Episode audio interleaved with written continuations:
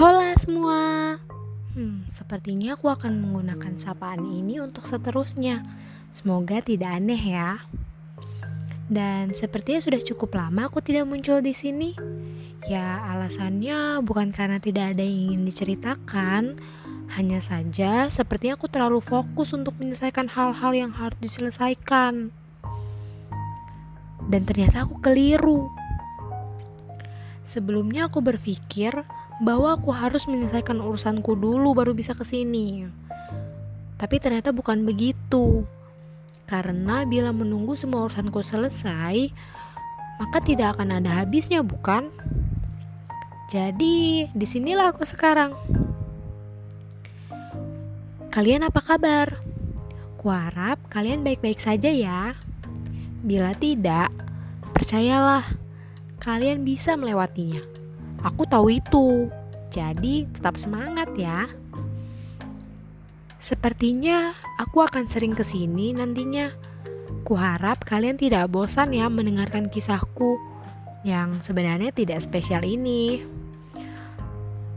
Dari kisah yang terakhir, ada banyak yang terjadi setelahnya.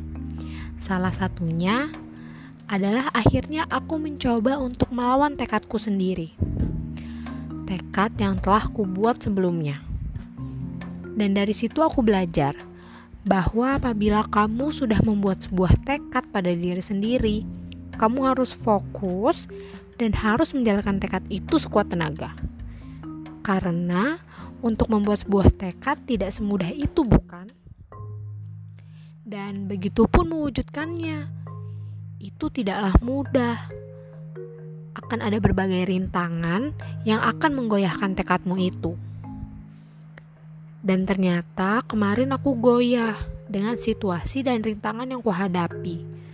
Aku goyah dengan hal yang aku pun sedari awal sebenarnya tidak begitu kupercaya. Bahkan yang lain pun tidak percaya. Namun bukan berarti aku tidak menghargainya dan tidak menikmati prosesnya ya. Dan aku tidak menyesal pernah mencoba untuk percaya dan menjalaninya. Tapi aku belajar untuk tidak melawan apa yang dikatakan oleh dirimu sendiri.